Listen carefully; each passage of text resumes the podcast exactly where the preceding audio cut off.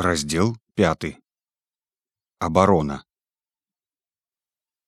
скоро палякі полезлі на заставу мы далі залп і закідалі іх бомбамі бачыць іх добра не бачылі цёмна было а толькі чулі як яны там заякаталі ящик стасик болі ой болі баліць ой баліць значыцца кагосьці троху падранілі Абраненне на вароняй пана рому шарабейкі і двух маіх былых недаросткаў братоў пстрычак даведаўся я толькі пазней калі польскія патрыятычныя газеты прайзвялі іх у героі можа якраз куля з майго карабіна трапіла ў іхняе цела.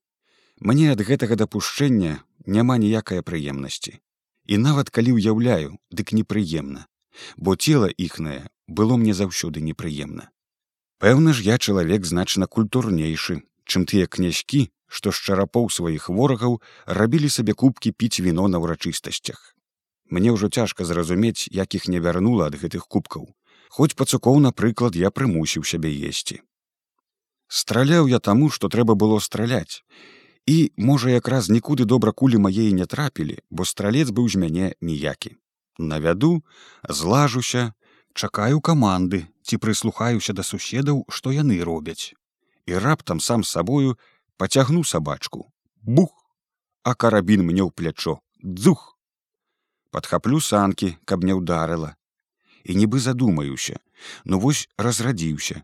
Што цяпер далей? І зноў хутчэй бяруся за справу. Цяпер самому з сябе самога смешны які я быў стралец. А вывод вучыся страляць загадзя каб не карміць сабак едучы на паляванне наступалі палякі з перадышкамі.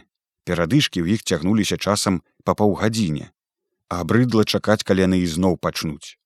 Але наступы не спынялі яны праз усю ноч увесь час атака за атакаю. Мы іх адбівалі.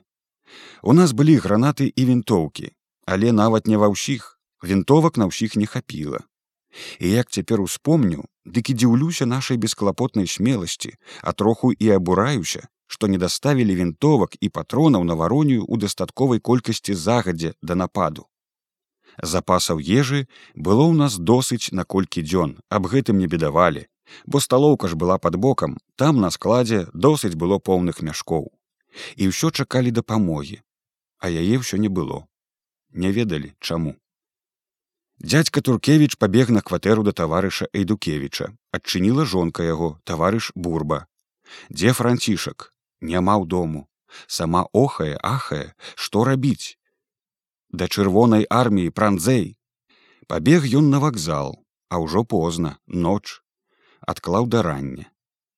А мой знаёмы р шавец тады яшчэ зусім малады нядаўна жанаты у той дзень перад вечарам толькі вярнуўся ў вільню выязджаў разам з іншымі таварышамі на спатканне чырвонай арміі для разведкі. З'явіўся на варонію з дакладам да таварыша тараса зрабіў даклад схадзіў да касіра атрымаў грошы. Прыйшоў дамоў лёг адпачыць паспаць. Толькі лёг прыходзяць жонка і маці. Варонія абкружана. Не можа быць я ж толькі адтуль. Са шваграм манцёрам пайшоў па манцёрству каб гэтым замаскіравацца схавацца. Так сам ён мне апавядаў праз колькі год пасля здарэння. Мой знаёмы ха добрый слесар і гарачы чалавек быў у гэты вечар дзеля свята выпіўшы Пра яго казалі, што як учу, што вароне абкружана, дык зараз кінуўся напранацца, схапіў жалезны ломік, пайду біцца з панамі. Не пушчу, загаласіла жонка і так учапілася, што рукава дарвала. Пакуль прышывалі ды лаяліся, ён троху астыў, пакрычаў, пакрычаў, але абдумаўся ісці з голымі рукамі. А мой знаёмы А, той асенізатар з пагулянкі, што наўчыў мяне абходзіцца з пацукамі, Хоць і не быў выпіўшы, але казалі доўга цягаўся ад аднаго таварыша да другога, усё намаўляў ісці вызваляць варонію. Сабярэмся, нападзем з тылу. А калі ніхто яго не паслухаў, кажучы, зброі няма, як палезеш з голымі рукамі. Дык ён адзін з нейкім ножыкам папёрся на вуліцу, хацеў прабіцца на варонію да клуба.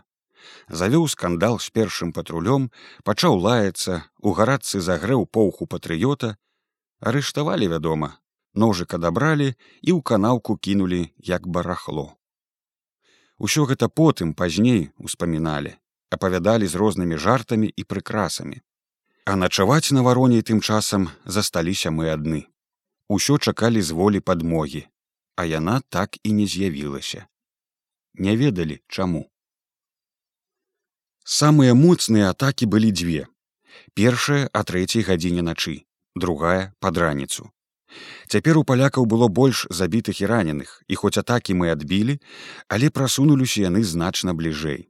За намі заставаўся апрача клубнага будынка толькі дом памарнацкіх і дом Антановича. Ну ўсё ж ноч мы пратрымаліся. Перад світаннем палякі троху аціхлі, і мы мелі даўжэйшы адпачынак. Але ўсякая надзея на падмогу з парубанка была ўжо намі згублена. Мы ўпэўніліся, што таварышы пагінулі, не дабраўшыся да варонея. Калі на дварэ пасвятлела, ізноў пачалася перастрэлка, і нам цяпер стала відаць наступаючых. Большасць іх была ў нямецкай вайсковай форме. І скажу пра сябе, хоць і ведаў, што гэта ж палякі, а не немцы, але форма нямецкая нібы палохала мяне. Мы бачылі, як яны прабіраюцца, падбягаюць, тулячыся каля сценак, паўзуць канаўкамі. Мы па іх стралялі без промаху, але ізноў жа скажу я пра сябе. Было мне троху жутка, што іх многа, а нас мала. Так прайшло гадзіны дзве, а можа тры, а можа і болей. Пачуццё часу нібы згубіла сваю яснасць. І не ведаю, хто першы заўважыў, хто першы сказаў, ад каго я першага пачуў, што ў нас мала патронаў. Потым кажуць, выйшлі патроны. Добрая рэч. Значыцца, засталіся толькі гранаты і рэвальверы. Настрой адразу апаў. Гэта быў самы крытычны момант. І чаму ж так неэканомна стралялі? Хто гэта мусіў за гэтым сачыць? Хто вінават? Пэўна, тарас. Лезлі мне ў галаву прыкрыя думкі і забірала злосць. Вось каб былі патроны, мы б яшчэ доўга не падпусцілі б іх да сябе блізка. А што цяпер будзе? Так думаў я, і вяласць апанавала мяне. Патронаў няма ні ў кога, кобак схаваў сабе адзін патрон і жартуе. Гэта недатыкальны запас бо для самога пана вэйткі або для самога таварыша кобака дом памарнацкіх аддалі. Па-першае не было патронаў. А па-другое калі б яны і былі дык падносіць іх туды ўсё роўна было ўжо немагчыма. Трымаліся толькі ў клубе а дом антановича быў ужо як бы нічый. Усе сцягнуліся бліжэй адзін да аднаго людзей нібы пабольшала. Але што ж калі без патронаў як без рук. Мусіць каля гэтага прыблізна часу дядзька туркевич таварышка і таварыш а пабеглі глядзець што на вароней робіцца. Польская застава іх затрымала. Пазналі к арыштавалі. І а арыштавалі дядзька туркевич быў адзеты так што не пазналі каўнер падняў шапку насунуў і калі ён бег адтуль дык якаясь дзяўчына з варонія вырвалася кажа, што там страшэнная паніка. Нашы не хочуць здавацца. Бундаўцы і другія хочуць здацца. Дядзька Туркевіч пабег шукаць чырвоную армію. Пайшоў ён ашмянскім трактам.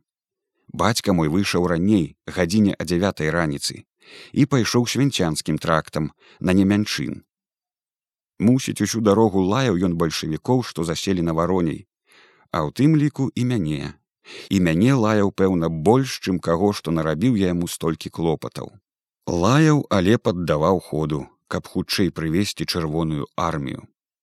На жаль было ўжо позна. Гадзіне аб адзінацатай бундаўцы пачалі шушукацца сабралася іх цэлая група аб нечым гамоняць раяцца гляджу прыцягнулі знет кулькі і прывязваюць на яго белую шмаціну ніхто іх не спыніў Ніхто ім нічога не сказаў, і яны пайшлі, не азіраючыся. Затопалі ўніз, адчыняюць дзверы, нясмела вытыркаюцца на вуліцу. З акна з-за вушака відаць было, як палякі ім нешта крычаць, махаюць рукамі, але ўстаць баяцца. Бундаўцы, чалавек 30, панурыўшыся, сагнуўшыся, плятуцца па вуліцы бліжэй да іх. І пярэдні нясе на кійку белую шмаціну.